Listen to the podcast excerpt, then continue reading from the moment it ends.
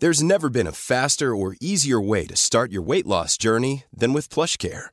PlushCare accepts most insurance plans and gives you online access to board-certified physicians who can prescribe FDA-approved weight loss medications like Wigovi and Zepbound for those who qualify.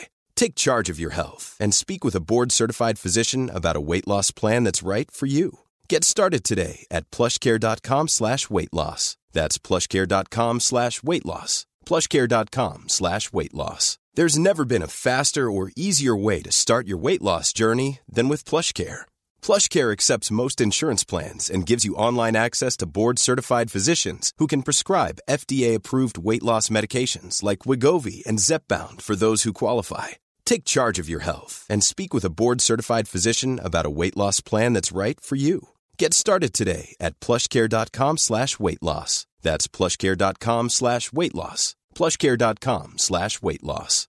Here's a cool fact a crocodile can't stick out its tongue. Another cool fact you can get short term health insurance for a month or just under a year in some states.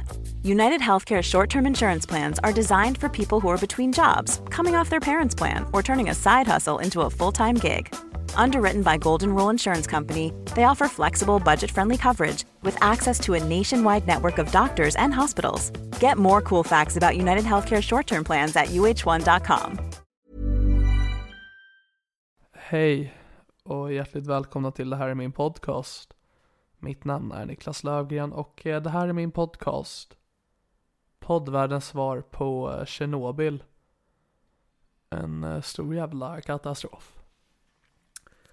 Eh, följ mig på sociala medier. På Instagram heter jag gulleplutten68. På Twitter heter jag Niklas understreck Lufgren.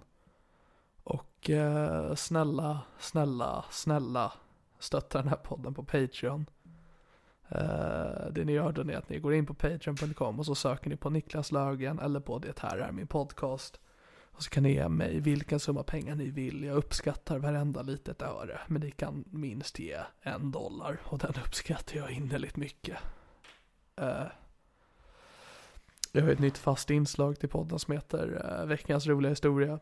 Jag glömde att fråga min gäst om sin veckans roliga historia så jag rotade i min bokhylla och hittade den totalt förbjudna dassboken hemma. Eh, så jag tänker läsa en vits från den nu till er. Och eh, min bror värmer lasagne i, mikro, i mikrovågsugnen i köket så det är som om vi har en sitcom här hemma eller någonting. Men eh, vi kör igång veckans roliga historia. Jingel till det tack. Nu är det dags för rolig historia.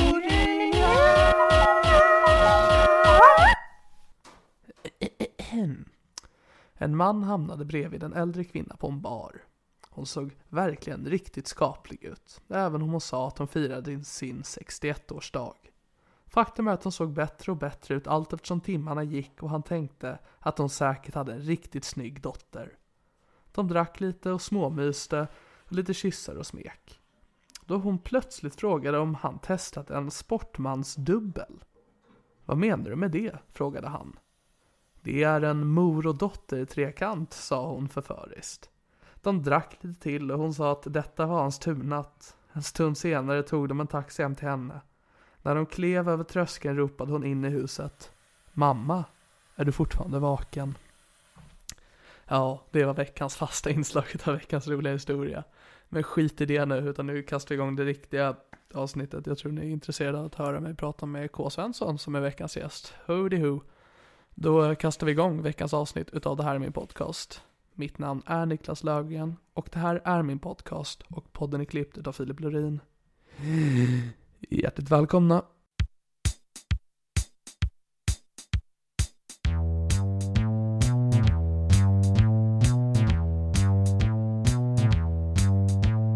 Det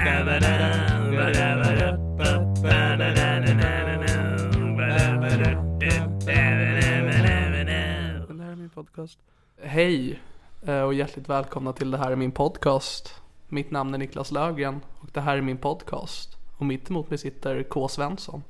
Ja, hej. Väl- välkommen. Tack så mycket. Kan jag säga eftersom vi är hemma hos mig. Ja, jag är tillbaka till det vanliga. Jag fick spela in hemma förra veckan.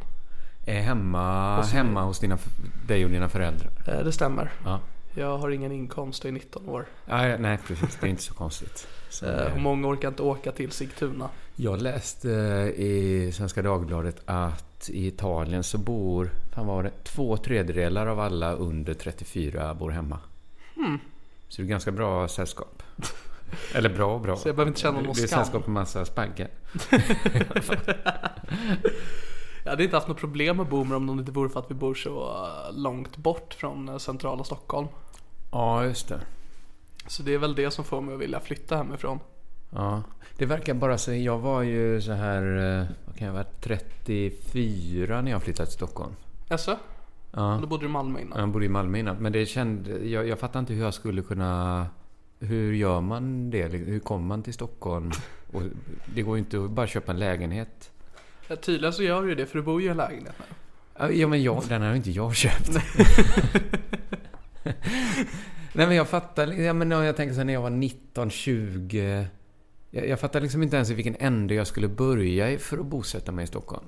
Bor man, så- i, i, jag fattar liksom inte var man ska bo. Ja, nej, du pratar ju med helt rätt människa. Ja. Jag har ingen aning. Men vad, vad är din, vad, hur skulle du gå tillväga ens?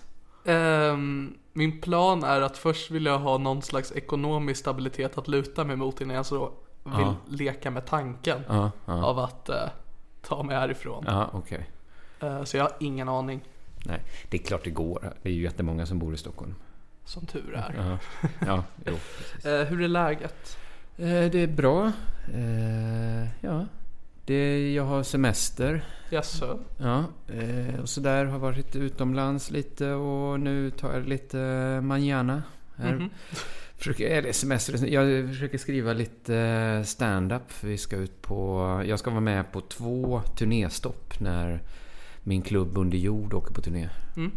En sommarturné som heter Den heter Funny Fuck Up. Funny Fuck Up. Det är, det är lite en ordlek som gått förlorad med tiden. Jaså? Ja, men för förr fanns det ett gäng som hette Sunny Stand-Up. Okej. Och då var det Funny Fuck Up istället. Då. Ja, det är inte så jävla bra. Men, eh, Men du var inte tillräckligt med fuck up för att vara med på alla datum? nej, eller för mycket liksom. Om det är fuck up liksom att ha fru och barn och så och inte kan åka till... Ja, det är ju lite fuck Kalmar. up som komiker att ha det. Ja, alltså i, i, nu, vi är inte riktigt samma komikergeneration. Nej, verkligen inte. Men eh, det känns som de som är i min ålder, alltså mellan 30 och 40 då.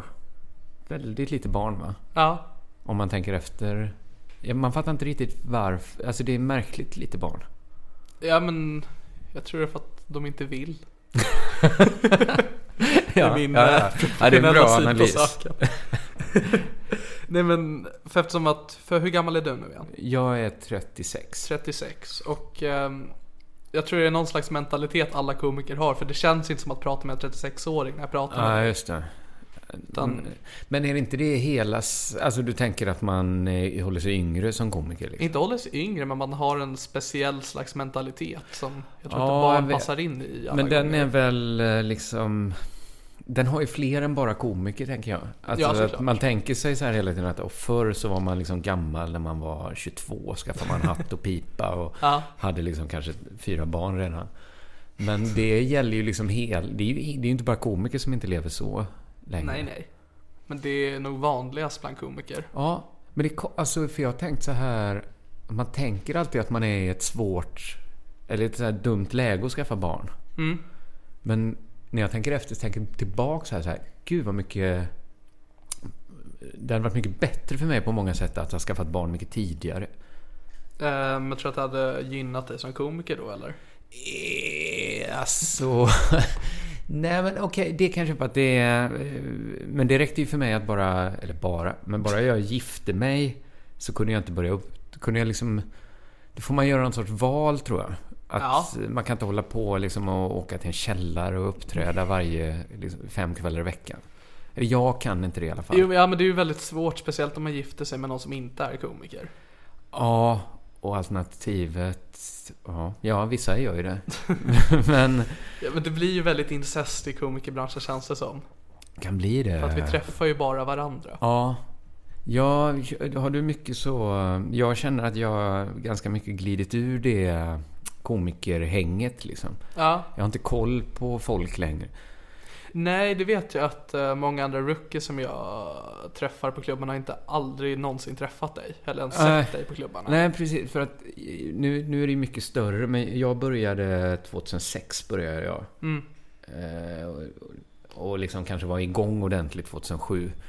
Men den perioden minns jag som att då bodde jag i Malmö och jag visste så här, hade det börjat en ny tjej eller kille i Stockholm så Ja. kände man liksom till den per namn i alla fall. Ja. Och jag är så himla, himla långt ifrån det. Finns det några rookies som du har koll på? Eh, jag har koll på dig. Det är bra. Eh, och, men det, vad räknar man som rookie egentligen? Eh, Jag tror att du har eh, bättre svar på det än jag. Ja, jag, jag gillar inte den uppdelningen så mycket egentligen. För den, den är lite cementerande sådär att, att om man går med på kallas... Någon gång måste man ändå... På något sätt, om jag ska, alltså det inbegriper på något sätt att man tänker sig att det ska komma någonting utifrån som förlöser en Ja. från rookieskapet. Ja. Till exempel att här, man kanske får ett, ett jobb på P3 eller Ja. man blir manusapa på Jarowski eller något sånt. Ja, det känns ändå inte riktigt säkert eftersom att Carl Stanley vann årets rookie. Ja, precis. Man kan ju också se det liksom som bara liksom, rent autistiskt så här att det är mellan år liksom 0 och år 3 Ja. till exempel. Men det tycker jag inte heller liksom funkar. Nej, det känns inte alls som att det Så stämmer. jag tror liksom det sundaste sättet är att tänka så här att det är någonting man själv bara bestämmer sig för. Om man, om man tar eh, kanske Pandora-killarna i Göteborg. Ja, Så känns det som alla de, på något sätt slutade de vara rookies när de bara bestämde sig. Nej men nu har vi vår egen klubb och det Ja. ska vara stans bästa. Det känns ju inte som en rookieklubb. nej verkligen. Jag har inte varit där, men utav Nej, vad jag vet jag om heller. den. Inte jag heller. Men jag, jag ska dit i Därför höst. får vi prata om det. Nej men jag tror det är mycket liksom smartare att bara bestämma sig så här. Nej men jag är väl inte någon rookie. Ja, men jag skulle nog kunna kalla, för jag är rookie-komiker, känns det Ja, som. men du är ju så här 19 år gammal. Ja. Och det, ja, mycket talar för att du är rookie. Men ändå inte eftersom att Carl Stanley var ju också 19 och då var han inte rookie längre. Nej. Jag tror att mycket har det alltså om man kollar på mitt komiker-CV. Ja. Jag tror att det är lite därifrån man kan utgå som du sa att Mm. få ett jobb på P3 Men samtidigt så här CV och CV. Jag var på någon gång jag skulle... Det var någon... Jag, näm, jag, jag anonymiserar hela historien. Okej. Jag skulle träffa en viss komiker och typ få en nyckel eller något. En typnyckel. Och då, egentligen var det liksom knulldocka vi skulle ge varandra. Nej, det var en nyckel, det var en nyckel bara. en nyckel. Och då, då, var, då, stämde, då skulle han uppträda då, bara så här hålla igång gig. Skulle ner i någon så här källare jag aldrig hört talas om. Nu vet vi att det är en han. Ja, det var- en han. Ja, en han. Eh, och så var vi liksom då på en så här... Eh, ja, men typ urtypen för en jättedålig eh, rookieklubb. Där det liksom... Det går inte... Det, man såg direkt i rummet så att det kan inte bli bra här. Mm, var det i Stockholm? Ja, det var i Stockholm. Det var på Ja. Södermalm. Och där var ju liksom... Alla var ju också liksom fruktansvärt dåliga. Ja. Alltså, man kände så här att... Att de kanske aldrig kan bli bra, de här. Okej. Men så är ju till exempel när jag har sett dig på specialisterna. Nu är specialisterna ett så himla, himla mycket bättre ställe. eller liksom första gången man såg Stanley eller Isidor och sådana. Mm. Då känner man ju ganska snabbt så här att, att detta är ju något annat. Okej. Så, så, känner jag i alla fall. Men Och sen, så skulle säga att du såg mig? Ja, tycker jag. Okej. nog. Ja, men det, det kan väl inte vara så många i ditt gäng som uppträder på specialisterna? Nej, det gör det ju inte. Men sen vill inte jag heller vara den som håller på och säger så. Nej, nej, nej. Jag vill inte vara för självgod. Men hur kommer det sig att du eh, uppträder där? För det kan väl inte vara så många... Alltså mycket, jag brukar säga att det beror på tur, men då blir andra rookies arga på mig. Ja. Eh, men Alltså hela började med bara att jag råk, att Simon Gärdenfors råkade vara på mitt första gig någonsin på Big Ben. Ja, okej. Och tyckte om det. Mm. Och sen så eh, lyckades jag hugga tag i honom ganska väl så att när de behövde en DJ till specialisterna när de satte igång. Okej. Då var jag det- namnet det- som ploppade upp. Jag fattar. Ja, men det är ju smart. Mm. Det är mer smart än tur, tycker jag. Ja, Och också Gärdenfors är väl på Big Ben säkert flera gånger i månaden. Han Ja, ser han är ju där jättemånga rookies. som för han- mycket. Men de älskar ju att uppträda, de flesta komiker. Ja, det gör de ju. Men det är konstigt att älska att uppträda på Big Ben. Ja, jag när jag flyttade till Stockholm så tänkte jag så här, ja men då kanske, nu kanske jag blir en sån som i alla fall uppträder en gång i veckan, går ner så och, Ja. vad säger man, så här, går ner i, i källaren och slår på sandsäcken liksom. Men så upptäckte jag rätt snabbt att, att om jag ska vara liksom bra Ja. så måste jag, jag måste lägga hela den dagen på att förbereda mig. Okej. Och liksom tänka på det gigget och liksom kanske skriva lite extra och liksom Ja. bara gå och peppa mig själv. Och så kommer man ner i en sån här källare och jag bara kände direkt så här att "Uff, detta kommer inte bli bra. Alltså, det, Ja. det kommer inte bli bra. Och så liksom blir jag som en sån här häst som blir rädd innan hindret liksom och stegrar mig lite. Alltså, Blir liksom försiktig. Ja. Det, det, det är som när man hoppar höjdhopp liksom. Aldrig Eh, gjort, nej, men det- säkert. Du, du känns inte som höjdhoppartypen. Tack så men, mycket. men du kanske tvingades till det någon gång i, i skolan. Jo, men det har jag förträngt. ja, men jag var en sån som eh, liksom idiot åt andra hållet som såg stor ära i att hoppa över liksom ribban. Ja. Och man, när den ligger högt upp så är det rädd, eh, då, då kan man liksom bli rädd för ribban. Och så, så liksom vågar man inte satsa riktigt. Okej. Och så är det ju lite med stand-up också. Liksom att om man, om man liksom inte har liksom full attack i liksom, eh, när man sätter i foten Ja. från första gången. Då, då kan det ju inte eller Till exempel sådana här ranter funkar ju inte då. Nej, det gör det ju Man inte. måste alltid ha... Antingen måste man ju som en papegoja gå och liksom öva in ranten så man kan Ja. dra den hur som helst. Men jag gillar lite mer så här semi-improviserade ranter. Eller kanske i alla fall 90%. Man kan lämna 10% öppet Ja. improvisation. Men De du by- värdesätter ändå ett gig på Big Ben så väl. Jag uppträdde inte på Big Ben. Ja, men när, när du sa att du skulle liksom, att du tänkte att du kanske skulle bli det när du flyttade till Stockholm. Ja, men då tänkte, jag, då tänkte jag så här att jag kanske kan komma runt det på något sätt och hitta att man kommer ner och så går man... eh, Jag menar så här, Zlatan går väl, han har väl träningstempo ibland liksom. Ja, Att man inte alltid springer sitt fortaste liksom. så du jämför dig med Zlatan. Ja, varför inte? Men, eh, men jag bara märkte direkt eh, sen när jag kom ner att men det kommer nog inte funka för mig att göra Mm. så här. Och då, detta är ju inte ett så här generellt råd till alla komiker, men dels också för att få ihop med min med familj och andra jobb och sånt där. Så, så har det varit mycket bättre för mig att kanske köra ett gig på specialisterna varje månad liksom. Ja, Och så, jag, jag kanske försöker få ihop en föreställning genom att göra sammanlagt 12 gig liksom. okej. Ja. Och Ja. Så, eh, men då får man skriva, man får skriva nytt till varje gig. Ja. Och verkligen öva in det som att det var premiär. ja, men då måste man vara väldigt säker i sitt material. Ja, men du, har- jag har varit på specialisterna några gånger den här säsongen. Vi har ju mötts där. Ja, Det är ju verkligen inte allt som har gått bra. Jag kollar nu inför... Jag gjorde två gig inför den här sommarturnén vi ska ha nu. Mm. Det kanske ändå blev en 12 minuter. ja. Något sånt. Och det är hyfsat bra att få med sig på två gig tycker jag. Det är fruktansvärt bra. Ja, och då var jag ändå ganska sträng. Ja, Men sen, man, sen kan man ju... Har man märkt liksom att det finns en femminutare som funkar. Då, då kan man ju vara där och liksom skriva till Ja. extra liksom. Eller... men så är specialistan den enda klubben som du kör på? Eh, I Stockholm är det ja. Och sen är det under jord som är din egna klubb eller? I Malmö ja. Ja. Och sen så har jag, jag har bara aldrig kommit iväg men så kör jag då på eh, Pan, Pan, Panora, Pandora. Pandora i eh, Göteborg. I Göteborg ja. Ja. Men det, det klarar jag mig på rätt långt. Och det är ju imponerande. Eh, och alltså, det är ju lite att rätta liksom munnen efter matsäcken också. Att Ja, det, det, det är så mycket jag hinner. Men jag, jag, jag hade ju liksom också kunnat välja att lägga av helt. ja, ja absolut. Det, Det det är för mig att du sa någon gång till mig backstage på specialisterna. Skulle börja fakturera eller något. Ja, men jag har lagt av flera gånger. En gång la jag av ett helt år liksom. Jaså? Annars har jag liksom bara så här Kanske någon gång eh, bara haft det som motigt gig så jag gått av scenen mitt i gigget. Liksom, Okej. eh, Gått ur lokalen, cyklat därifrån och Ja. sen liksom inte kört stand-up mer på några månader. Ja, Men eh, nu... alltså du känns ju väldigt som ett wildcard. Ja, men det är också...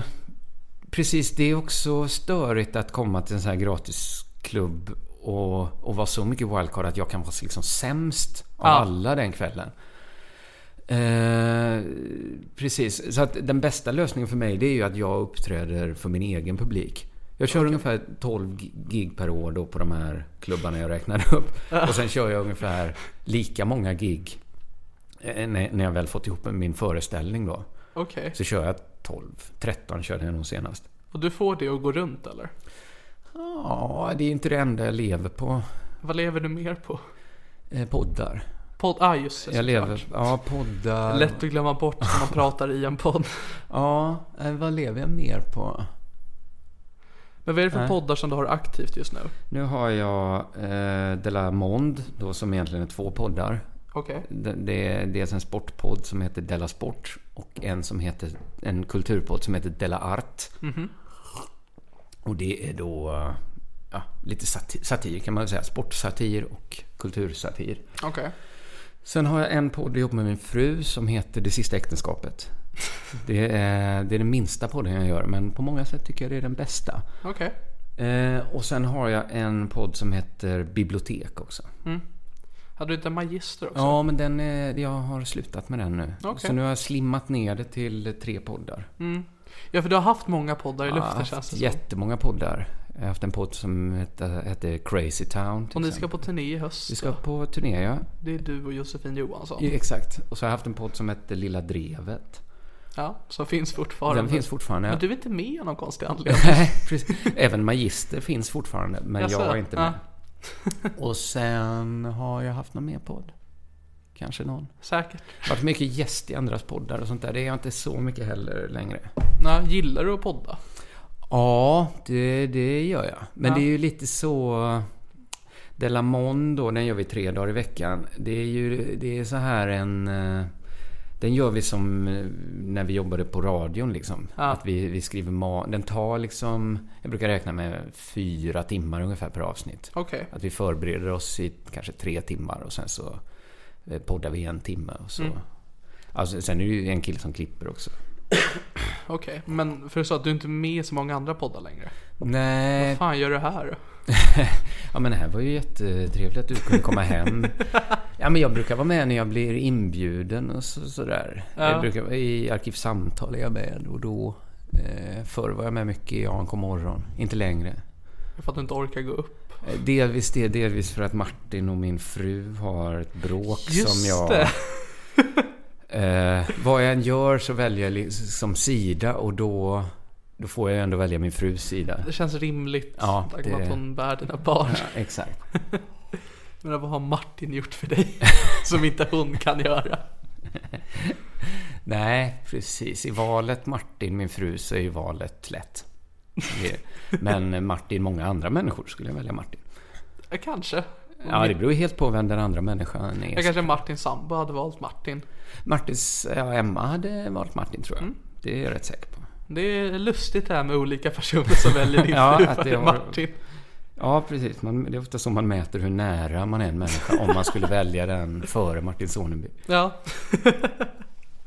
Men, nej, men Martin träffar jag mest nu ja, på specialisterna till exempel. Och Mm. Det brukar vara trevligt. Det är jättetrevligt där. Ja, det är det faktiskt. Det är Det- också lite det som gör att man gärna kommer dit och uppträder tycker jag. Ja, jag tycker det är lite um, som rookie-komiker så är det ganska overkligt att vara där i vissa fall när det kommer så, ja men ändå stora komiker. Ja, inom liksom, framförallt inom eh, det spannet liksom. Ja, ja. Så är det ju de största. Det har blivit, när jag började med stand-up så var det liksom det i alla fall jag gick och längtade efter var ju att det skulle bli mycket mer så här uppdelat. Okej. Men för att då fanns det liksom bara en stor liksom klump som hette så här svensk stand-up. Okej. Och så delade man in så här om man var rookie eller om man var liksom en professionell komiker. Mm. Men sen blev det mer så här några som gillar den här typen av humor Ja, gick ihop och, och några som gillar den här grejen. Ja. Och, eller har den här publiken är det ju mycket. Och det är det ju nu. Nu är det ju så. Det är ju asskönt tycker jag att man kommer till ställen och så är det folk som gillar en Ja. man ska uppträda för. Ja, För det att- är väldigt behagligt. Ja men för förr fick nästan alla råd jag fick när jag började gick ut på liksom hur man anpassar sig så att liksom alla ska gilla en. Ja. Och nu behöver man inte liksom ge sådana tips längre. Ja, det, det var väldigt intressant när man kommer som ny komiker att kunna få göra nästan ett val vart någonstans man vill placeras. Ja, precis. Det kanske också är liksom eh, på ett sätt dumt för att man är ju inte riktigt... Man är ju inte, man är inte färdig liksom. Nej, nej, nej. Att man kanske liksom mycket snabbare låser sig vid en stil. Ja, Kanske, jag vet inte. Sen, det hör så mycket till också. Ibland hör jag folk som så här eh, klagar på nya komiker för att de, eh, de är liksom för influerade av vissa då. Att man liksom kan höra att den killen har lyssnat för mycket på eh, antingen en amerikansk komiker, det brukar vara okej. Sen har man liksom kanske, nej men han har lyssnat för mycket på Jonathan Unge eller något sånt där. ja. Då, då brukar det liksom... Men sidan, vad har man... Vad har man för alternativ egentligen? Man håller ju på att testa sig fram. Ja, jag känner så länge man inte tar någons material. Ja, jag tycker också det egentligen att stilstöld är okej. Ja, men det är som att ta en genre. Ja, Lite lite, så ändå. Jag vet inte också, riktigt om jag har... Ja. Jag tycker det är hedrande också när man, när folk nu vet jag inte, nu kanske ingen är inspirerad av det. Men, eh, men, men det är ju... Jag hade bara tyckt det varit hedrande med Ja. ja. här är en liten K. Svensson i en spet. Det hade väl bara varit kul. ja, jag vet inte ifall jag är högt influerad av någon specifik. Många Nej. tycker att det är lik Aron Flam. Du har ju lite... Jag tycker med, du, du känns ju väldigt så självklar på specialisterna just. Ja, Den typen av... Ja, men kanske att du... De, de, du kanske har lite så här mörkare grejer. Att det är det som är lite mer Ja, omvärld. självklart. Men det känner jag inte att nischa av någon specifik komiker. Nej, nej. nej men, eh, men nu, du har ju lite så här, den här samma liksom råa, eh, liksom grova grejer. Ja, Och lite så eh, ledsna, ledsen skämt. ja, ja verkligen. Ja, men hur, vad, hur, när, börj, när började du? Jag började i maj 2016.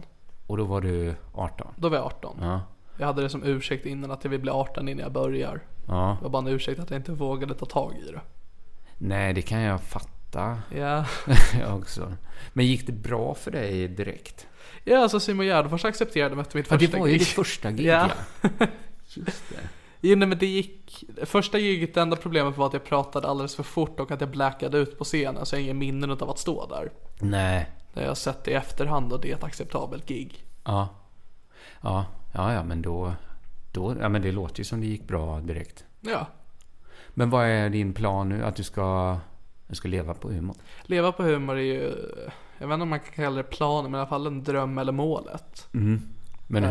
hu, hu, humor i alla fall? Humor i alla fall. Jag, jag är sysselsatt med teater innan jag började med stand-up. Ja. Så underhållning av någon slags form har jag alltid velat hålla på med. Ja. Och eh, humor känner jag är det roligaste. Ja, men jag tror folk blir lite bitna av det. Framförallt så här, jag spelade eh, musik och sånt när jag gick på gymnasiet. Ja, Jag gör fort, fortfarande lite, men det är så jädra liksom mäckigt att åka någonstans. Bara lasta in ett trumset i en bil. Eller liksom vad man nu behöver ha med sig. ja, Det är, det är någonting som är att man blir så jädra... Att det är så himla enkelt med stand-up. ja det var en stor anledning till att jag började. Var på grund av att eh, jag var djupt deprimerad. Ja. Att jag ville fortfarande stå på en scen men på stand-up så behöver jag inte behöva umgås med andra människor. Nej. Där Ändå gör så är det ju det man gör hela, hela, hela tiden. Absolut, men jag trodde inte det. För man gör ju inte det när man står på scenen. Nej. Sen kan man ju göra valet att bara vara en fitta när man kliver av och inte prata med någon. Ja, precis. Men... eh, Det tror inte jag, de tror inte jag har roligast. Nej, nej, nej, nej. Ja, men ibland, jag, jag var ute efter, efter ett gig jag gjorde i eh, våras. Var jag ute med ja, vi, körde då, jag körde ihop med Isidor och Henrik Mattisson. Så var vi ute med Marcus Berggren. Och så bara kände man, och liksom Henrik Nyblom kom förbi. Och det bara kändes sådär liksom att Gud, de har det här liksom supertajta umgänget nu. Som är hela, hela tiden. Ja, verkligen. Och jag minns liksom eh, när jag började i Malmö. Då liksom hur jävla roligt det var. Att liksom bara umgås med andra komiker. Och Ja. kanske ett, ja, men inte prata om något annat än humor liksom. Ja, det, jag tycker om det också. Sen är jag en väldigt socialt eh, intellekt, eh, ointellektuell person. Så jag har Ah. väldigt svårt. Men är du det? För att du har ändå liksom... eh, När, alltså på ganska mycket på såklart humormeriter Ja. tagit dig fram. Men väl också en del på sociala meriter. Jag, alltså jag vill inte säga att det är så. Jag är jävligt bra på att slicka röv. Jag är men ganska bra på att Det skoja. det- Ja, men eh, så här, när jag pluggade så hade jag så här bara, jag hade två idéer vad jag skulle göra med livet. Det ena var så här att jag skulle bli författare och det andra skulle vara att jag skulle bli så här forskare. Okej. Så höll jag på att skriva en uppsats och så eh, hade jag en professor som handledare och så sa han till mig så här att eh, jag gillar det du skriver. Om du vill så kan vi ju träffas så varje fredag slutar jag lite tidigare så kan vi ses och ta en öl om du vill och sitta och snacka om din uppsats. Det låter snuskigt. Men, exakt så reagerade jag. Tänkte inte så här, åh, här är en pedofil, för jag kände mig ändå vuxen då när jag var 22. Ja. Men, eh, men, eh, men jag tänkte liksom så här, nej men det här känns fel liksom. Jag ska, Ja. ta, jag ska inte ta mig fram på någon sorts sociala meriter och sitta Ja. här liksom och slicka röv och dricka öl med han varje fredag. Så jag liksom tackade nej till det erbjudandet. Och Okej. sen så, ja, så blev det inte så mycket av den karriären. Nej. Jag vill att man måste ta sig fram genom att vara social och jag vill gärna Alltså man det. behöver inte göra socialt liksom minusarbete. Nej. Ja men det är alltid, jag tycker liksom ibland, tycker jag ord som så här kuksugare och sånt skickas liksom runt alldeles för lättvindigt om det är någon så här bara, här nu ska jag gå och suga lite kuk här. Ja du menar liksom ha ett helt normalt samtal med en annan människa. Ja, ja just det, det. Ja, men det, jag känner ju det att Jag känner mig som en kuksugare varje gång jag DJar på specialisterna För att eh, För att jag är så pass dålig på att vara social Ja. Så jag får inte så mycket ut av det personligen Ja, Jag känner mig bara obekväm. Ja, ja, men du, du får väl tänka, det är väl ungefär eh, som att liksom hjälpa till att bära stolar eller något sånt där. Ja, ja, men för precis. att få ett gig. Men jag, jag tror skillnaden är att att de klubbarna som, som kör så här att du får en spot om du hjälper till och delar ut flyers Ja. eller bära stolar eller sånt där. De väljer ju en bara på de meriterna. Ja, ja Jag tror DJ på specialisterna. Nej självklart så beror det ju Jag tror att Alltså främst beror det på att de tycker om mig som komiker Ja, det, annars, det är nog liksom grundvillkoret annars. Ja För att det, det hade bara blivit pinsamt för alla annars att låta det uppträda gång efter gång efter gång. annars. Står bara och pratar om hur bra jag är på att DJa Förra veckan, då blev det ju Erasure Då var det jag som tryckte på play Precis, eh, något sånt. Ja Men... eh, Nej, du, men du, hur många gånger har du kört där? Eh, Fem, sex gånger Ja, kanske men då så. Ja nej alltså jag säger inte att jag blir bokad att jag är utan jag försöker få fram att jag är väldigt dålig på att umgås med människor Ah, ja, ja. Fast ja, ja, det vet ju du bäst. Ja, ja. Men jag skulle säga så här väldigt dålig... Skulle jag ju säga är att ta i.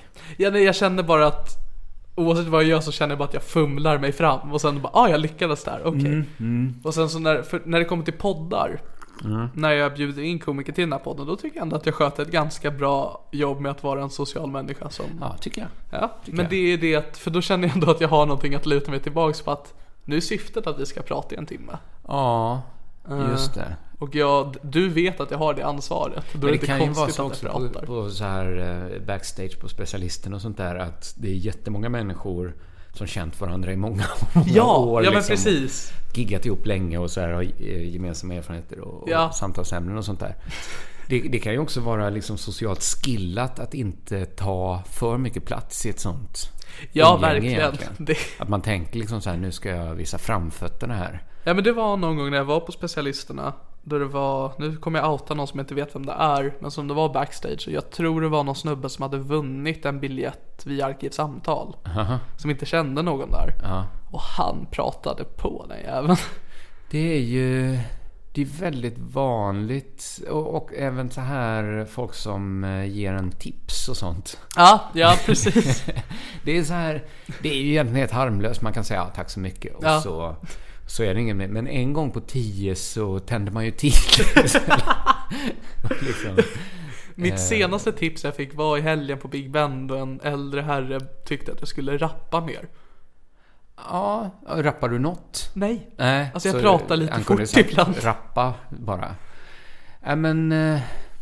Och sen så å andra sidan så tycker jag ju, jag vet ju så här, det är ju en sån diskussion så här att eh, man hör den ofta så här mer när man i någon sån här könsdebatt så här att tjejer är trötta på att få tips av killar till exempel. Ja. Jag tänker ju alltid så här att Kön har ju så himla himla lite med det att göra. Det är bara så vem som tipsar vem.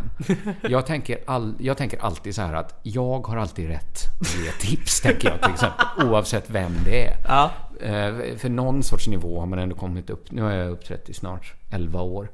Alltså du har ju rätten att till exempel ge mig tips. Ja, men det kan jag göra. Det, det, eller det skulle ju vara mer liksom snällt än förmätet, tänker jag. Alltså om jag gav dig tips vore det bara konstigt. Alltså, hade du verkligen tänkt igenom och hade ett superbra tips som jag hade glädje av så hade det varit jätte... Då hade jag bara blivit glad, tror jag. Okej. Ja, men nu, nu har vi pratat några gånger, nu är det inte Ja. så konstigt. Men om jag det- tycker att du ska prata mer om Tinder. jag har liksom varit så lite på sådana klubbar så jag har helt missat. Jag, jag har bara varit med om andra vågen nu när folk skämtar om att folk skämtar så mycket om Tinder. Jag har liksom helt missat. Jag umgås Du bara, vet liksom, inte ens vad Tinder är. jag umgås bara med vuxna människor som eh, träffar varandra liksom, eh, på dans. Ja. Det, ja, Tinder är ju den moderna dansen. ja, precis. Nej. Happy pancake. Ja. För det, du bytte artistnamn för ett tag sedan också. Eh, ja, när kan jag... Jag tror jag gjorde det. Jag hade så här eh, ganska långt resonemang i min tidigare podd Crazy Town som eh, Ja. byggde i sin tur på ett resonemang jag hört av, nu ska vi se, Ricky Gervais och eh, Larry David. Okej. Som handlar, det här kommer låta lite deprimerande för dig, men det, det, deras resonemang handlar om att man inte kan vara rolig innan man inte fyllt 35. Och Okej. det, det är liksom sådana här eh, uttalanden som är uppenbart falskt liksom. Ja, Det finns ja. ju hur många exempel som helst på människor som varit roliga innan de fyllt 35. ja. Men, eh, men jag eh, tänkte att man kunde liksom använda... Alltså, ett problem med, med stand-up och humor och sånt där, det är ju att man liksom alltid måste öva sig i skarpt läge liksom. Aha. Alltså att eh, du måste öva dina skämt inför en publik. Ja, verkligen. Jag, jag fick liksom eh, jobb på, då var jag ändå så här 27 och borde varit liksom något liksom färdig och mogen. Men då fick jag jobb på P3, jag hade aldrig gjort radiohumor innan. Mm. Liksom på något sätt öva mig och lära mig det i skarpt läge liksom, Ja. inför den största publiken. Jag har inte haft så stor publik efteråt ens. Nej. Så att man liksom lämnar liksom en liksom spår av skit liksom efter sig hela tiden. Att det är ju egentligen ett komiker-legacy eller CV. Det är ju liksom Ja. alla dåliga försök som har lett, som Ja, lett fram till di- dit man är. Och då tänkte jag liksom, använde bara den här godtyckliga åldern som någon sa, så här 35. Mm. Så, så bara krita upp så med foten i sanden att efter det så är det liksom färdigövat. Ja. För, för att jag tror också så här, om man inte ser det alls som övning, då vågar man inte göra någonting riktigt. Nej. När man, det är liksom, om man tänker varje gig måste liksom vara det, det slutgiltiga och det perfekta. Då, då vågar man liksom aldrig åka och gigga. Man måste liksom, liksom lite våga se det som övning. Ja. Men så tänkte jag det att efter 35 så ska jag sluta se... Jag ska inte göra någon mer skit efter 35. då, då ska jag, ingen, jag får aldrig mer ha liksom ryggen fri att det är övning. Ja. Och så fyllde jag liksom, så bestämde jag att jag skulle ha premiär för min föreställning Persona non grata eh, dagen efter jag fyllt 35. Okej. Så tänkte jag, det är första grejen jag gör nu som är liksom på allvar. Ja. Och så gjorde jag den. Och sen så gjorde vi en roast som var... Ja, det var min roast då. Ja, det var ju... Roasten av mig. Tänkte jag också, Lätt nu, att glömma bort. Ja, nu är det på allvar. Ja. Och så har jag liksom tänkt så. Jag startade på den bibliotek då som jag lägger väldigt mycket tid på. att Mm. den, den måste vara liksom på allvar nu. Det, det måste vara liksom jättebra det det blir. Men var det det som fick dig att byta artistnamn? Ja, det passade ganska bra där liksom att byta namn lite. Och eh, jag började liksom byta namn ett år innan dess. För jag tänkte det tar ju ändå ett tag för ett nytt namn att sätta sig. Men det passade liksom rätt bra att, att, in, att när det är K. Svensson, då är det liksom... Då, Då är det kvalitet. Då är det kvalle. Så ska det lite Och mer. allt som har med Kringlan att göra förknippar li- du med skit. Inte skit, men det är lite mer eh, övningsåren så här. När man kollar på Wikipedia brukar de så här, folk, har, folk som har lite längre biografier, de brukar ha liksom en liksom kategori, en liksom så här liten kapitel som heter The, the Early Years. The Kringland Years. Ja, The Kringland Years. De är... det är sådär, det är lite skönt. Det finns vissa guldkorn. Men de brukar man med släppa så här, kanske ett samlingsalbum så här, från The Early Years. Man trycker ihop tusen timmar till kanske en timme. Och så, så blir den bra. Så är det dina trogna fans som tycker att Kringland-åren var de bästa Ja, åren. det, kan, det finns ju alltid sådana puritaner liksom, som, som tycker det. Men varför bytte du då inte bara till ditt vanliga namn? Ja, det kan man ju fråga sig egentligen.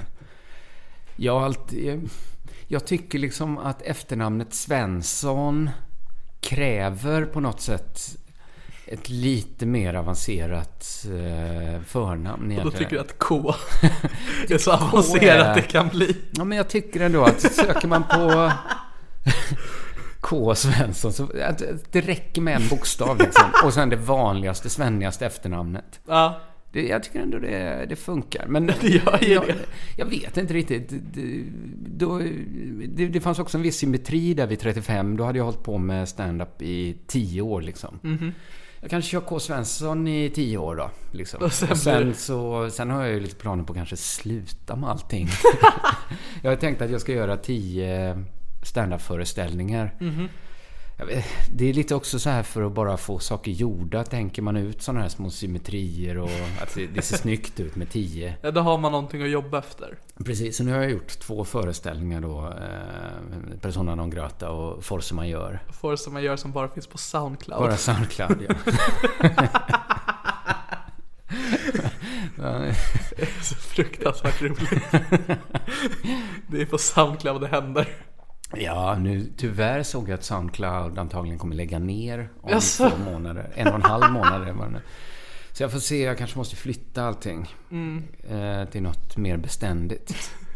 Kanske bara ha det på en egen hårddisk som folk får Folk komma och låna.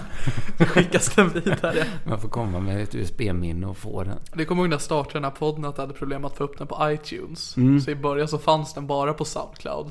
Ja, jag kände ja, så ja. skam över det. Vem vill vara på Soundcloud? Det, enda sega är väl att det är så få som har Soundcloud-appen i sina Exakt. mobiler. Så man går inte att... Nej, det, det är inte dumt att också... Jag har ju mitt Soundcloud då kopplat till eh, iTunes. Ja, Så man kan även eh, lyssna i sin eh, poddspelare. ja. Så egentligen... Det låter ju som man stängt in den på Soundcloud. Liksom låst in den i ett litet skrin och, Ja. och lagt den där. Men det är ju väl fler egentligen som har en poddspelare än vad som har Spotify. ja, i alla fall som använder det för stand-up. Ja. Så att fler har Spotify än poddspelare, men det är för musiken. Ja, just det. Ja, men av de som ändå är intresserade av eh, liksom stand-up och mitt, den lilla kretsen som jag tillhör. Det är ju ofta poddpubliken ändå. Ja, ja. Så då har de redan eh, iTunes och sånt, tänker jag. Ja, men det, jag tycker bara det är en rolig sägning. Att gå från Spotify till Soundcloud. Jo, men grejen är ju att vilken idiot som helst kan ju egentligen bara lägga... Du skulle kunna lägga upp, inte för du är vilken idiot som helst va, men du skulle kunna lägga upp varenda avsnitt av den här podden på Spotify om du vill. Ja, men det kan jag göra på Soundcloud också. Ja, ja, ja, precis. Det är ingen större skillnad. Nej. Någonstans ska det ligga. Ja, men sen, jag tycker faktiskt också... Vad ska jag säga? Jag har ingen lust att utsätta mig för Spotifys jävla algoritmer heller. Okej. Att bara för man gillar en viss grej så ska liksom något komma upp. Eller kanske mer åt andra hållet. Att folk som lyssnar på mina skivor så ska det så, så här att du gillade det här. Då tror vi att du gillar det här också. Du gillar också Markoolio de Medusa. Ja, precis. Och Eller också kategoriserar det i humor. ja, men det kan vara... Vad är värre saker då? Ja, men jag vill inte gå in på det. Men det, Jag vill bara gräva. nej, ja, nej, men det, det, det finns mycket... Mycket... Det är så himla förmätet också att klanka ner på andra komiker. Men, Jo, jo, men, men- men jag tycker det, det, det, det släpps ju mycket dålig skit också. Alltså, min, mina grejer är ju på ett sätt... Det är ju inte så någon liten diamant jag har suttit och putsat på i, hundra år innan jag, jag släpper den. Liksom. Ja. Eh, de har ju fortfarande kvalitet. ja, roligt att du tycker. Jo men det, de är väldigt bra. Ja, tack så mycket. Ja, jag hoppas få ihop en föreställning nu också till... eh, Ja, den måste nog ligga lite tidigare. Annars så mars hade jag tänkt. Men nu kanske jag, om allt går som det ska, så får vi ett barn till då i mars. Jag kanske inte kan åka ut på turné. Det kan bli väldigt... Jag hoppas ju för din del att det kommer ett barn då. Ja, ja, alltså om allt inte går bra så kom- kommer jag inte kunna åka ut. Annars har du ju väldigt mycket material för det. Ja, nja. Alltså jag har blivit så himla känslig nu också mot eh, hårt material. det, och ur båda mina föreställningar som jag gjort hittills har jag liksom... Eh, från Persona non gröta tog jag bort en av de liksom mest skrattinbringade rutinerna. Eh, som hette, jag tror den hette så här Pulla ett mongo.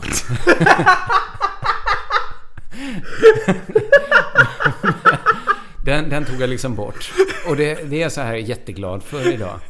För att den var kul och sånt där, men det var sådär... Den var osmaklig också. Från, från Force, på Force Major, då hade liksom mina krav, de hade liksom sjunkit eller stigit beroende på hur man ser det. Ja. Ännu värre, då tog jag bort en rutin bara för att jag tyckte liksom den var lite taskig mot Elsa Beskow.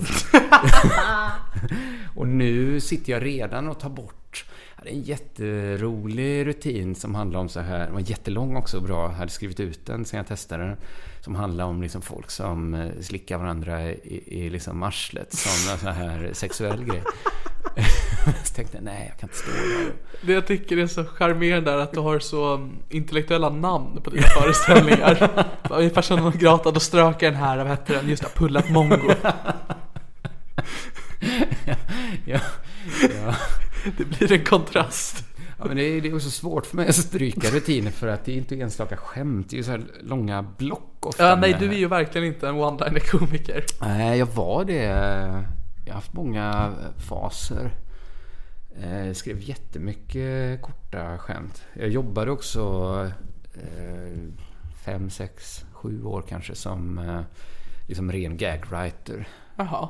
Eh, Skrev till så här Robins och Parlamentet och sånt där. Ja, jag, Så lär, jag, jag gjorde lite research inför så jag kollade på din Wikipedia-sida. Ja, ja. Där står att du har skrivit för Robins, eh, Parlamentet Ja. och för Fångarna på fortet. Ja, jag skrev... Jag skulle tippa att det var Lasse, eller Lasse Brandebys sista manus han någonsin fick i livet var när han skulle vara Fader Fouras.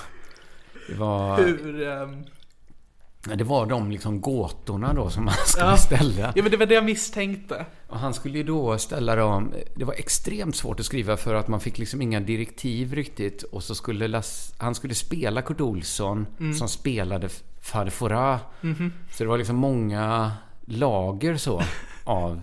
Och sen som jag fattade, jag kollade inte på programmet sen, men som jag fattade det så tog han liksom inga, han slängde alla manusen för de var, de var pissdåliga också. Okej, men det står fortfarande på din Wikipedia. Ja, det står på min Wiki- Wikipedia att jag skrev.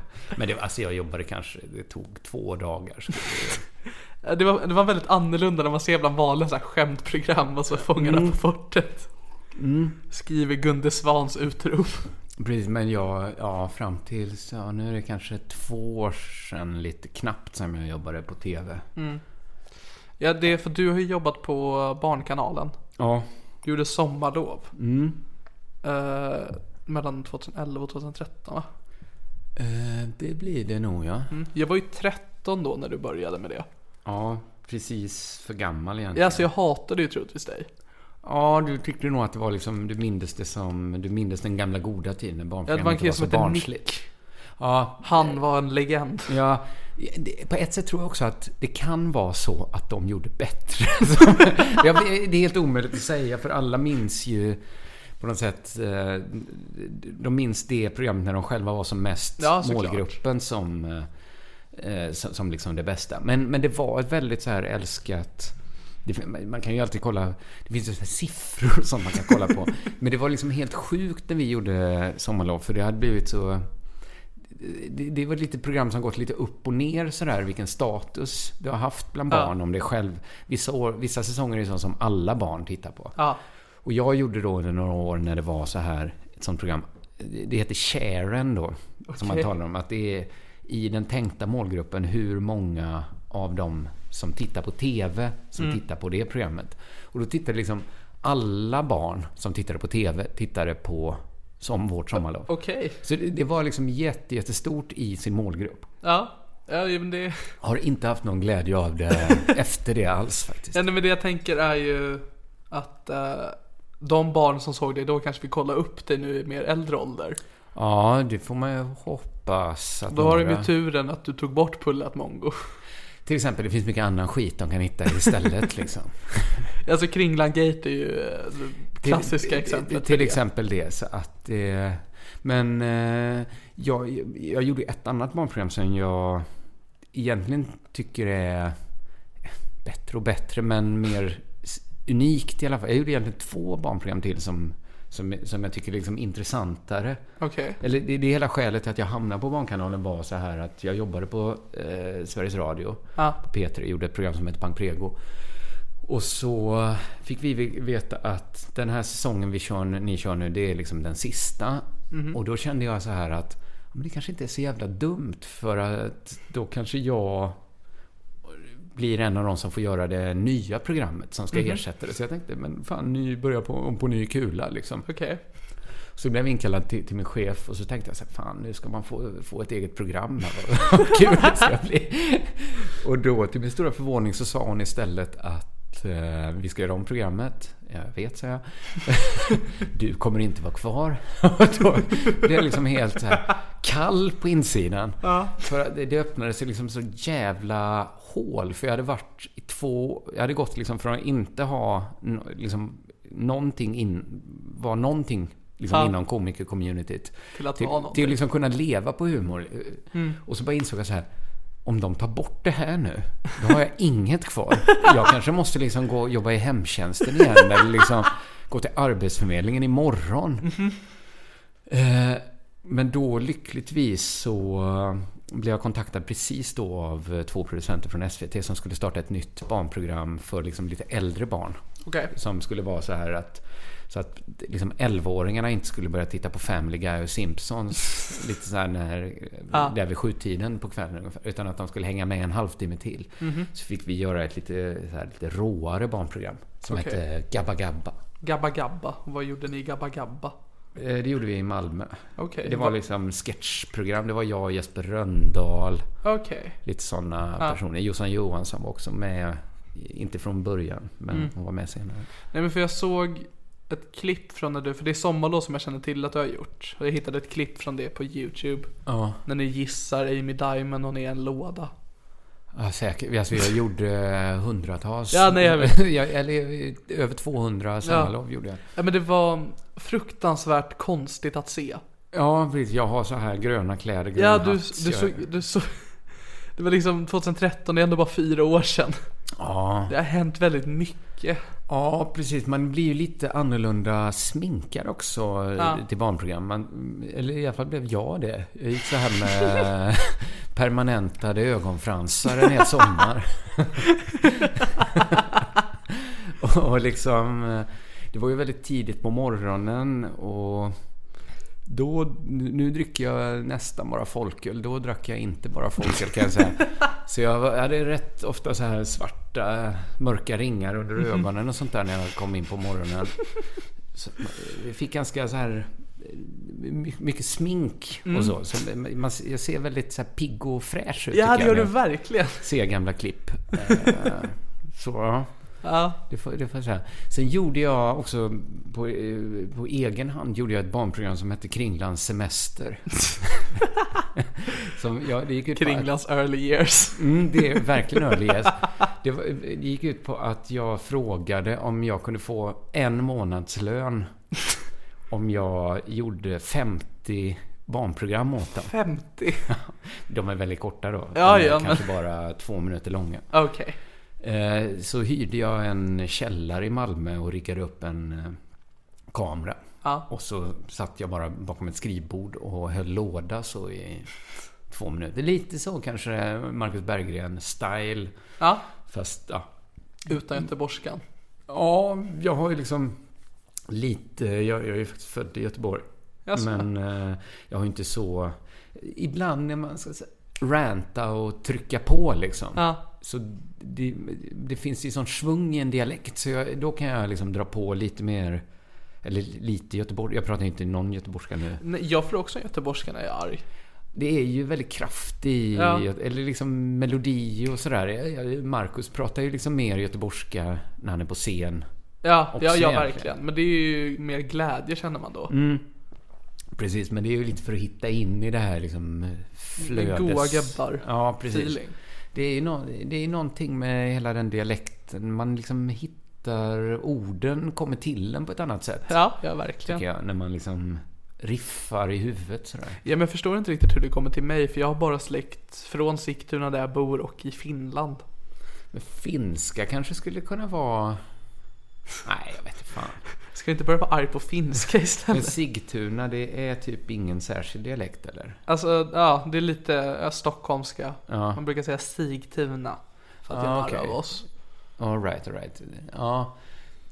Nej, jag vet inte. Nisse Hallberg är väl den som kan eh, dra på med så här dialekt för att komma in i, i liksom rätt mode. Ja, det är... Han drar ju på liksom verkligen så här gammal pilsnerfilm. Ja, ja. Stockholmsk. Men jag tycker han och Marcus är ganska lika varandra på det sättet. Ja, men att de stärker någon slags... Ja, båda blir liksom så här lite... eh, nästan lite seriefiguren av... Ja, verkligen. eh, Av eh, varsin eh, dialekttyp. Man skulle vilja se dem tillsammans när de går all in. Ja, men de skulle ju kunna göra en föreställning. Göteborgaren och stockholmaren. Pilsner och Bulten eller någonting. Precis. Ja. Detta, nu drog jag min barnprogramshistoria. Ja, Det, men det är the early years. Nu är jag då på uh, mellanåren. De aktiva åren. ja du är mitt i det också. Ja, det, nu är ju ändå 36. Då går det inte att liksom eh, dyka för det Nej. faktumet att någon gång ska man ju ha sina riktiga år också. Och varför inte ta dem nu? Nej, precis. Det, jag kan nog inte leva med så här att... eh, Hade jag gjort jätte, jättebra grejer innan så hade jag kunnat slappna av lite nu. Men jag kan inte riktigt leva med så här att men Pang Prego det var liksom piken och nu ligger den bakom mig. Nu ska jag liksom vårda minnet av Pang Prego-tiden och bygga Ja. ett museum över det. Utan nej, men jag tänker i alla fall de närmsta åtta åren. Ja. Jag har ju bränt två år sedan jag... Eller ett och ett halvt då sedan jag fyllde 35. ja. Men då är planen en special varje år. En special varje år, ja. Någonting mer som står på tapeten. Alltså jag håller ju på då med bibliotek. Håller jag på med ett projekt som heter Harmony Studies. Mm. Eh, Ja, där läser du noveller va? Ja, precis. Som är sammanhängande. Mm. Och jag har gjort 12 stycken nu. Eh, Jag har skrivit den 13. Mm. Så de ska jag också hålla på med. Det är tanken också att jag ska ge ut de 13 första eh, som en liksom sammanhängande roman som jag håller på att jobba med. Okej. håller också på att jobba med att den första tredjedelen av den ganska långa boken som det blir. Mm. eh, Försöker vi göra en film av. Okej. Men det är, det är ganska... Om stand-up är det enklaste man kan göra. liksom det krävs bara en kille och en mikrofon. Eller tjej. Eller tjej, ja. Det, det är ovanligare, men det, det funkar det också. eh, så, är, så är film liksom på det totalt andra sidan ju. Ja. För det är ju, och då har ändå film blivit tusen gånger enklare att göra. Mm. Som man egentligen, alltså man, man kan ju liksom bara ta en mobiltelefon egentligen och, och filma sig. ja. Men det är ingen som vill se det. Nej, problemet är ju att det kanske, även om man lägger ner en miljon, så är det Mm. kanske ändå ingen som vill se det. Nej, kanske inte. Men ja, det, det är liksom mycket bökigare rent så här... eh, Där är ju också socialt. va? Man måste liksom... Jag är hyfsat ny i stan också. Jag, jag har liksom inte gått på gymnasium med massa killar från Lidingö som är jätteduktiga och har ett eget filmbolag nu. Ja. Och dessutom så... Jag är inte ute och träffar så mycket folk och så, där Nej, det är 12 gig varje år. 12 gig varje år och sen sitter jag liksom hemma och... Jag är småbarnsförälder. Jag är småbarnsförälder. Jag skriver liksom snuskiga historier när barnet sover. Som du så här stryker när specialen kommer. ja, precis. Eh, Så det tar liksom lite tid och sånt där. Men eh, det, det, det, långsamt går det framåt alltihop. Ja. Och jag tycker faktiskt också att jag gör bara bra grejer nu för tiden. Det är ganska Ja. skönt. Jag skulle säga att jag håller med. Tack. Jag, skulle säga, jag har inte haft en så bra koll på vad du har gjort. Nej. Eh, Men det som jag liksom har uppfattat och när jag sett dig och kollat upp det du gör, det är väldigt bra. Tack, tack. Så det är väldigt tacksam att du ville vara med i den här podden. Ja, men bara roligt. För det är också en stor sak i den här poddens historia att du är den första föräldern jag haft med. Är det sant? Just vi pratade lite om det här att folk inte är föräldrarna. Nej, precis. Nej. Det, du är ju den vuxnaste jag haft Det, med. du får inte göra Fritte Fritzson, finns ju. Ja, det är sant. Det, jag strävar inte efter Nej, föräldrar, inte men det är bara det är Samla alla föräldrarna. ett föräldramöte till det här i min podcast. Det kanske jag skulle ha en podd som heter Föräldramöte. Jag Ska du starta en till podd? Ända, nej, jag, jag är egentligen andra änden och Ja, hålla på och avveckla poddar. mm. men det är en kul idé. och Inte- föräldrar. Det, jag har ju egentligen, nu, nu, min, eh, det sista äktenskapet handlar ju ganska mycket om att vara förälder också. Ja. Ja, det är ju väl lätt hänt om man poddar med sin fru. Ja, precis. Ska du bli förälder eller hur tänker du kring det? Inte Eh. närmsta tiden kanske? Jag tror inte jag vill ha barn. Nej. Jag har så svårt att se mig själv kunna ansvara över ett liv. Nej, nej just det. Det är ju, det är ju mycket av vad det är också. Ja, nej, men jag, jag tror aldrig jag brytt mig om någonting så mycket som jag gör över eh, stand-up. Nej. Och det är ändå att, jag vet, det går inte att jämföra, men jag har ju hundar. Jag menar visst, jag tycker om dem. Ja, precis. Men man går inte upp på nätterna för att kolla så här om ens hund andas i sömnen. Exakt. Det Sen är det också mopsar så jag hör när de andas i andra sidan rummet. Ja, men fortfarande. Precis. Nej, Eh. nej, det är sant. Så jag är väldigt tveksam till att jag någon gång skulle bli förälder. Ja, du har många år i och för sig och behöver inte ens bestämma det nu. Nej, men vad var det vi sa, 22 år med pipa, hatt och fyra barn? Ja, nej, men det kanske inte blir så. nej, nej men det, det... Ser inte ut att bli så. Nej, nej. Ty, tyvärr. Nej, ja, men så, så kan det vara. Tråkigt att höra. Men eh, tror, har du alltid velat bli pa- pappa? Nej, eh, det har jag inte. Nej, jag var nog ungefär som du. Mm. Och så, jag hade, fa- förra året höll jag på att skriva på en rutin som aldrig blev särskilt rolig. Men jag tänkte jag kunde fiska upp den. Och, för jag behöver lite skämt nu till sommaren. Som handlar om... man säga, den tar avstamp lite i vad jag skulle ha gjort om jag inte träffade min fru. Okej. För då hade jag så här inga planer på att gifta mig eller skaffa barn. Och det är ju, jag träffade min fru alltså för, vi har varit ihop i lite drygt två år. Eh, och då kan jag tänka mig så här, gud undrar vad jag skulle ha gjort om jag inte träffade henne liksom. Vad var min plan?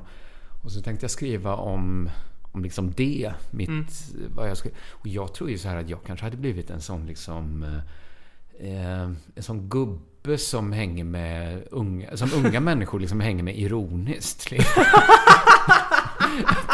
Man är en sån liksom ironisk gubbe att några så här sköningar har med sig en gammal farbror till en fest. Så här, och alla bara, fan vad ni är sjuka i huvudet, har ni med en gammal gubbe?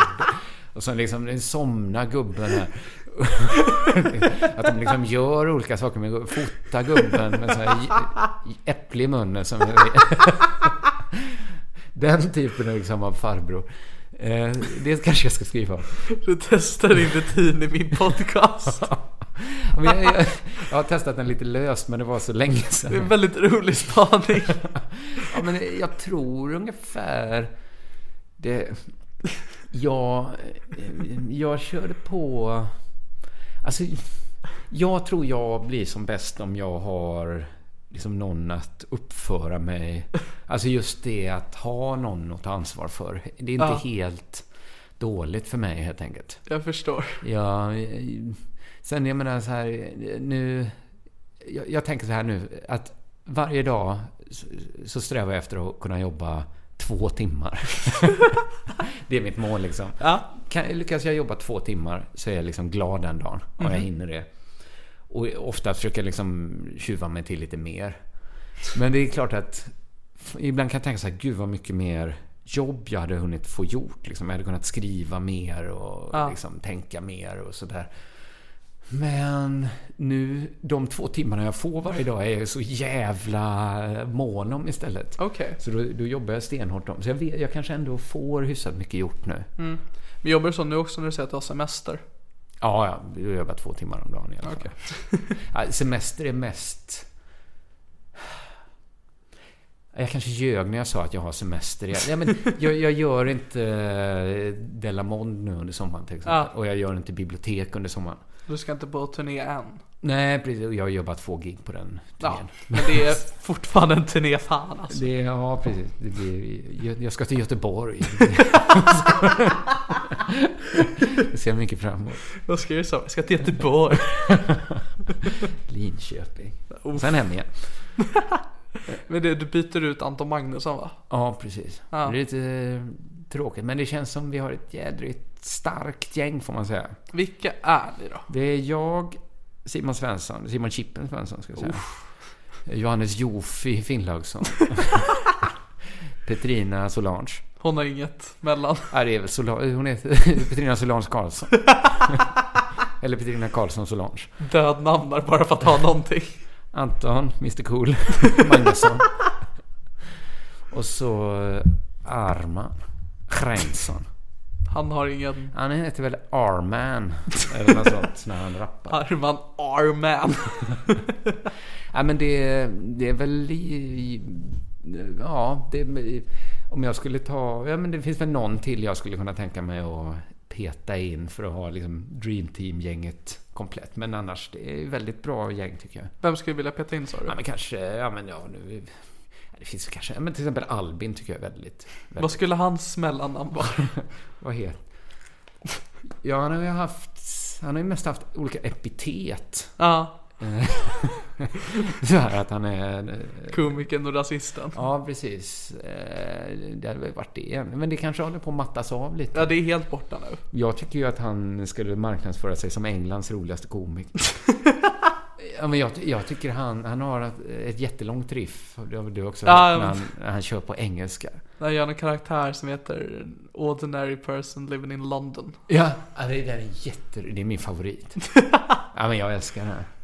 Ja, men, eh, ja, men annars... Det är väl ändå en bra... Men det är också lite så deppigt att...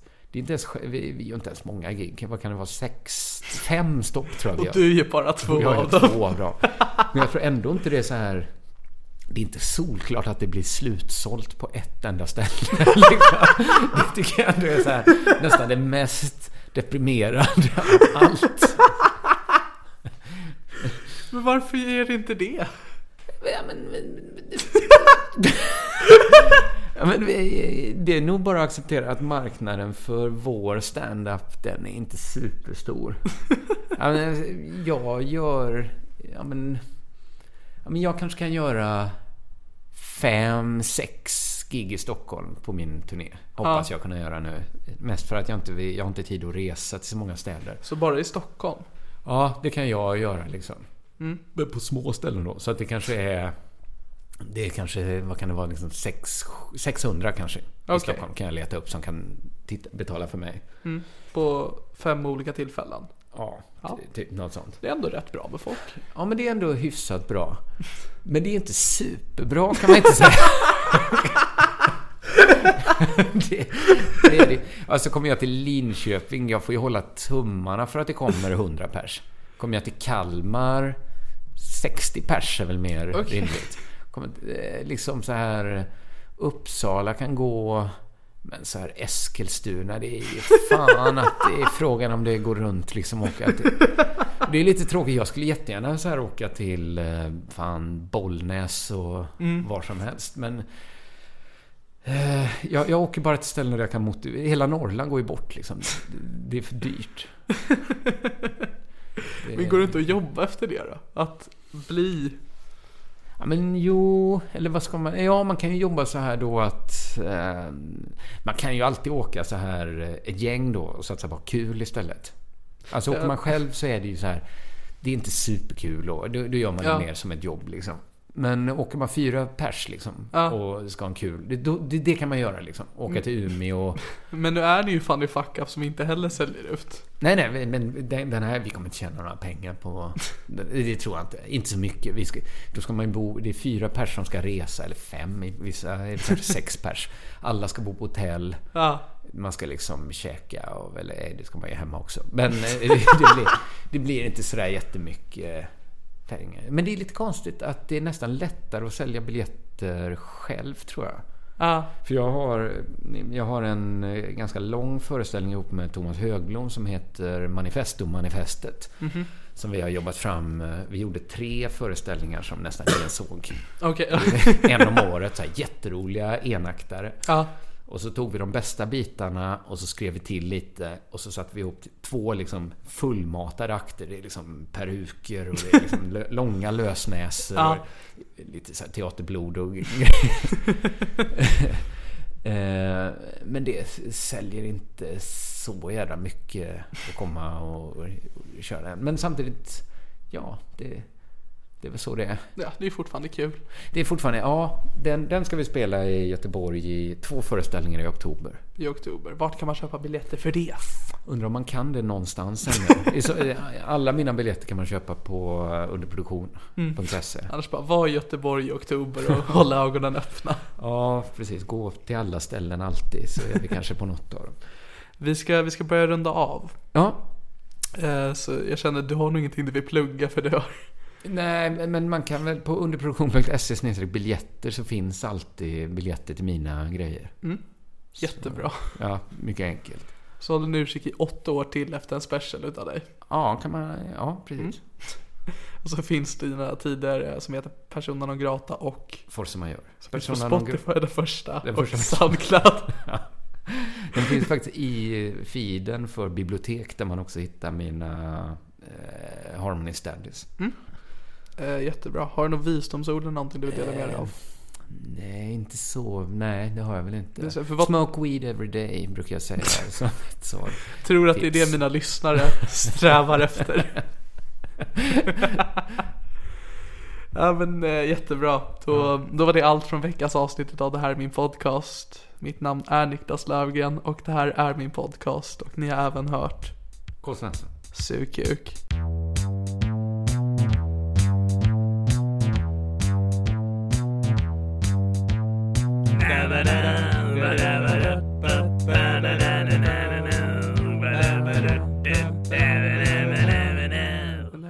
Podcast. Hi, I'm Daniel, founder of Pretty Litter. Cats and cat owners deserve better than any old fashioned litter. That's why I teamed up with scientists and veterinarians to create Pretty Litter. Its innovative crystal formula has superior odor control and weighs up to 80% less than clay litter. Pretty Litter even monitors health by changing colors to help detect early signs of potential illness. It's the world's smartest kitty litter. Go to prettylitter.com and use code ACAST for 20% off your first order and a free cat toy. Terms and conditions apply. See site for details. Want flexibility? Take yoga. Want flexibility with your health insurance? Check out United Healthcare Insurance Plans. Underwritten by Golden Rule Insurance Company, they offer flexible, budget friendly medical, dental, and vision coverage that may be right for you. More at uh1.com. Planning for your next trip? Elevate your travel style with Quince. Quince has all the jet setting essentials you'll want for your next getaway, like European linen, premium luggage options, buttery soft Italian leather bags, and so much more. And is all priced at 50 to 80% less than similar brands. Plus, Quince only works with factories that use safe and ethical manufacturing practices. Pack your bags with high-quality essentials you'll be wearing for vacations to come with Quince. Go to quince.com slash pack for free shipping and 365-day returns.